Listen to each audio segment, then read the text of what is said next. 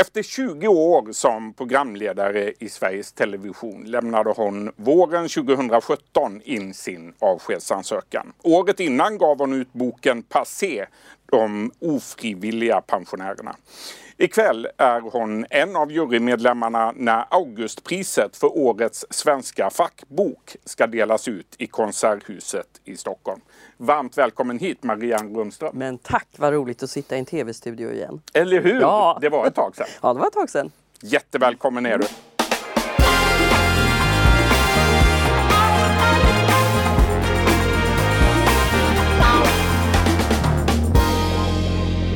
Allra först, hur sammanfattar du bokåret 2019? Apropå Augustpriset Ja, alltså bok, och nu sitter jag i fackklubbsjuryn.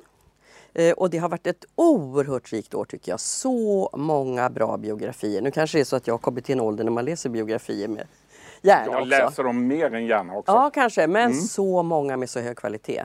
Helt fantastiskt alltså. Ingrid Carlbergs Nobel, Anna-Karin Palms, det är böcker man Lagerlöf. måste läsa. De måste du läsa. Eller ge bort julklapp.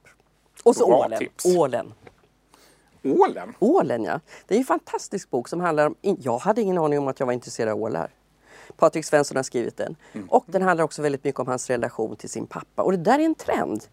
Eh, Nu kommer en bok snart om träd där, där någon skildrar sina relationer genom träd, ålen. Alltså det, det är där. Hå- Håll ögonen på det ska du se. Wow, spännande. Mm. Ja. Hur går det med det egna skrivandet då, Marianne? Du Ja, kom med en det bok mal för några år det- sedan. men ja. Kommer det mer? Ja, det vill jag att det ska göra. Det mal där inne. Och, eh, men sen har det varit så att de här tre, två åren, senaste två åren, då sa jag upp mig och sen startade jag eget. Och alltså skriva är en väldigt eh, tids... Alltså det tar så lång tid. Så att jag kände att jag kunde inte riktigt göra det samtidigt som jag skulle få igång en annan verksamhet. Men jag har idéer här inne så att det, hoppas att det Härligt. kommer något. Mm. Vi håller tummarna. Marianne, du växte upp i Rönninge söder om Mm. Stockholm. Pappa jobbade på SJ. Mamma var utbildad modist, alltså hattmakare. Varför blev du journalist? Ja du, det är en gåta. Det var det verkligen för mina föräldrar också. Jaså? Ja, det var det verkligen. De förstod ingenting när jag sa. För att det här var en underlig grej. Jag gick i småskolan i just Rönninge. Jag hade samma klassföreståndare som var rektor. Och så sa han när jag var ungefär 7, 8, 9 år sådär. Du ska bli en ny bang tycker jag. Jag hade väl lätt att skriva och tyckte det var kul antagligen. Men jag hade ingen aning om en bang var. Absolut inte. Jag gick hem och slog. Vi hade nordisk familjebok. Inte så mycket böcker annars hemma. Så slog jag den där men det fanns ju ingen bang där. Men så småningom när det gick upp för mig vad det var då tänkte jag ja men gud vilken idol. Ensam kvinna, hon var ju ensamstående mamma då, krigsreporter. Så tänkte jag, åh gud vad mycket av världen man kan få se om man blir journalist. Så sen släppte jag aldrig den där tanken. Det är ju väldigt fantasilöst kanske.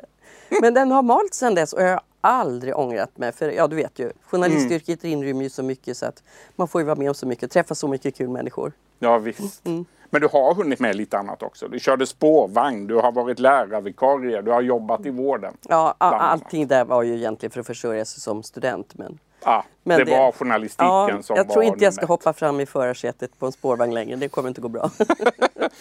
Du, eh, vi ska backa tillbaka till den där dagen i maj 2017 nu då, när du lämnade in din avskedsansökan. Jag har sagt upp mig idag för att jag inte upplever att kunskap och erfarenhet värdesätts på SVT. Det är ungdomligt som gäller. Så Mm. sa du till Expressen den dagen. Du lät förbannad. Jag var, förbannad. Du var det. Ja, och vet du, jag, var, jag var inte bara förbannad, jag var lite häpen faktiskt. När det där började gå upp för mig själv. Att jag inte längre riktigt var att räkna med. Och att jag inte hade någon framtid. Och jag ville ju utvecklas, inte avvecklas. Och då fanns det bara en utväg och det var faktiskt att säga tack och adjö. Och så gjorde jag det. Eh, och lite förbannad var jag, men, men jag var också väldigt, hade stor tillförsikt för att det var kul att starta något nytt. Men det är ju eh, alltså det är ju sorgligt sätt som hela denna nation ser på äldre människor. Och en bärande orsak till det här tror jag är att man uppfattar sig inte själv längre vid 60-65 som en äldre människa. Det visar hur mycket forskning som helst. När man säger så här, 60 är det nya 40, det är inte bara något man säger. Utan det finns massor med forskning som på det. Och varför ska man då sluta om man nu vill jobba vidare? En del vill inte alls det och en del är utslitna. Och då kan jag verkligen förstå att man längtar efter pension. Men om man inte är det, då förstår jag inte riktigt varför folk sparkas ut. Vi ska återkomma till det, Mm. men först, vad var det för reaktioner du Åh. mötte efter? Det var det här blev så mycket och än idag ska jag säga det. När jag åkte hit nu, åkte jag på bussen.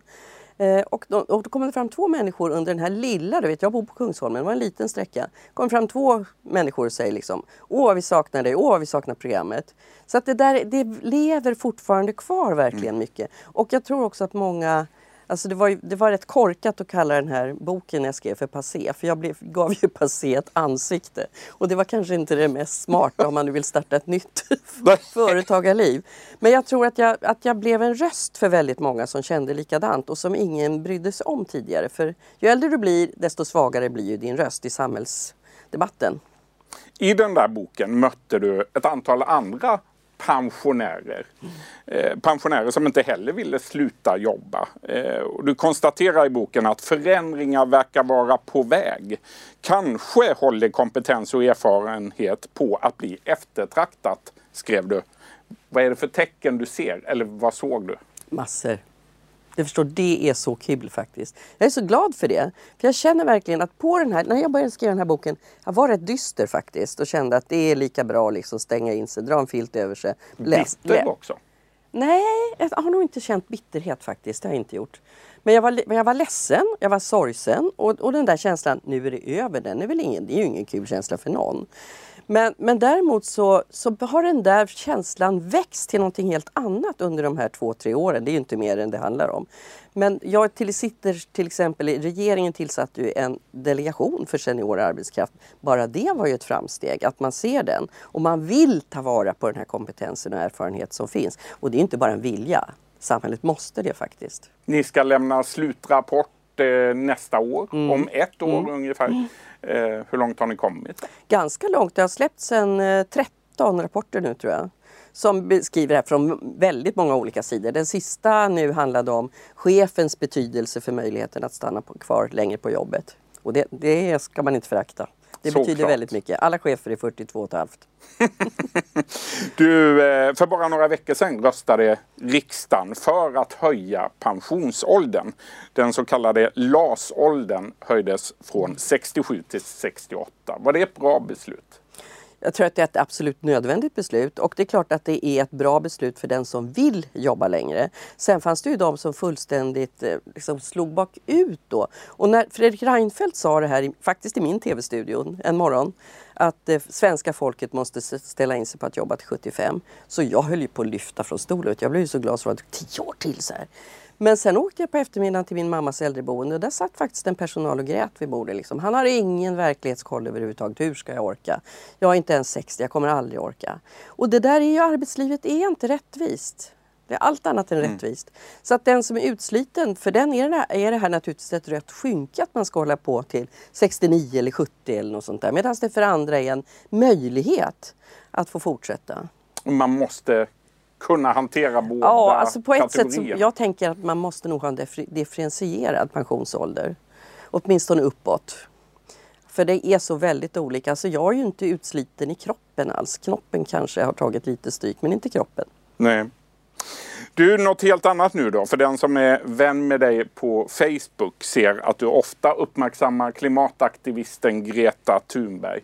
Hur viktig är Greta Thunberg för världens miljö och klimat? Ja, men du vet, nu är jag så till åren kommen så att jag är farmor.